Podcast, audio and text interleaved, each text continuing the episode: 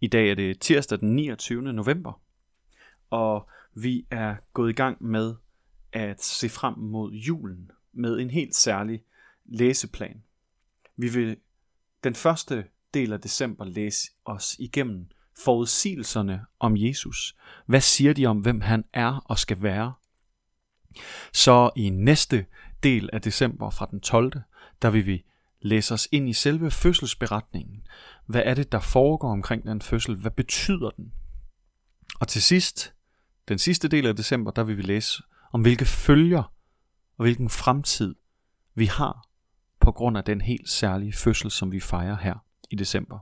Men i dag, der læser vi fra Esajas' bog, kapitel 9, vers 4 til vers 6. Hver støvle, der tramper i larmen og kappen, der er sølet i blod, skal brændes og fortæres af ild. For et barn er født os, en søn er givet os, og herredømmet skal ligge på hans skuldre. Man skal kalde ham underfuld rådgiver, vældig Gud, evighedsfader, freds fyrste. Stort er herredømmet freden uden ophør over Davids trone og over hans rige, så han kan grundfæste det og understøtte det med ret og retfærdighed fra nu af og til evig tid. Herskers herres nidkærhed skal udvirke dette. I går begyndte David at læse os ind i Esajas profetien fra kapitel 9. Og i dag der følger vi op med anden del af den profeti. Anden del handler om, hvordan krigen skal stoppe. Konflikten skal til endebringes. Midt i en tid, hvor krig igen fylder rigtig meget i mange af vores bevidstheder. Fordi det er kommet tæt på, det har aldrig været væk. Det er bare kommet tæt på vores breddegrad nu. Der er det virkelig en opmundring at høre ordene fra vers 4 om, at kampstøvlen, soldatens støvle og kappen, der er søllet i blod fra slagene, det skal brændes, det skal fjernes, det skal til intet gøres. Og lige så overraskende må det have været for dem, der hørte de her ord for første gang, om hvordan det skal tilvejebringes, den her afslutning af konflikten. Et barn er født os. En søn er givet os. Et barn. Det hele skal tilvejebringes gennem en fødsel. Gennem et menneske, der kommer til verden. Og det her menneske skal have en særlig plads, en særlig kongestatus. Det ser vi på de fire kongelige navne, som den her person, der skal komme, skal have. En underfuld rådgiver. En, der kan vejlede retfærdigt, fuldstændig som kong Salomo i den jødisk-israelske historie gjorde det. En vældig Gud. Det er jo et større navn end et kongenavn. Det er jo kun noget, man ser sagt om konger i egyptisk og mesopotamisk kultur, ikke i israelsk, ikke i jødisk kultur, aldrig. Det er Gud selv, der skal være konge. Men følgen må jo være, at han skal fødes. Evighedsfader. Igen et større navn, end nogen konge kan bryste sig af. Ja, du lever videre i historiebøgerne, men ikke i virkeligheden. Men det siger han jo, Esajas, skal være gældende for ham her.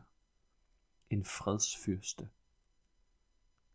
En konge af fred. Kingdom of peace. Det er et større håb, end man tager håb på, ikke? Håbet om fred. Og hvorfra skal den her søn komme, det her barn, der skal gives os? Over Davids trone kommer freden fra, over hans rige. Derfra skal han grundfæste det. Davids trone, så er vi jo inde i løftet om en ny konge, en ny konge, som David var konge, der skaffede fred, der udvidede Israel, der sørgede for, at de kunne få et stabilt samfund, Med ret og retfærdighed skal han understøtte det fra nu og til evig tid, og det er Gud selv, der skal udvirke dette. Det er løftet, vi må have fokus på i dag. Et løfte om, at der skal komme en konge. Der skal komme en leder, som vil til ende bringe alle krige og kampe og konflikter. som vil brænde krigsmaterialet af, for vi har ikke brug for det mere. Han skal fødes ind i verden. Han skal blive mere end en almindelig god landsleder. Han skal indstifte et fredsrige uden ophør. Og det er Gud, som vil udvirke alt dette. Lad os bede sammen. Jesus. Den her forudsigelse, som vi tror handler om dig, den fortæller os, hvad du kom for. At bringe fred. At bringe en ophør af konflikter.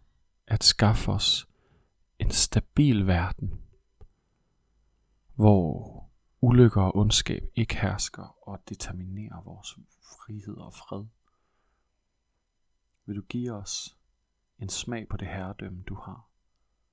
Vil du give os håb om, at du faktisk kan gøre det? Vil du give os glæde over det, som du allerede har skaffet os? Freden fra frygten over for døden og freden fra at skulle frygte dig, Gud. Vil du give os en erfaring af, hvor vigtigt det er for vores liv i dag. Amen. Kan I have en dejlig dag.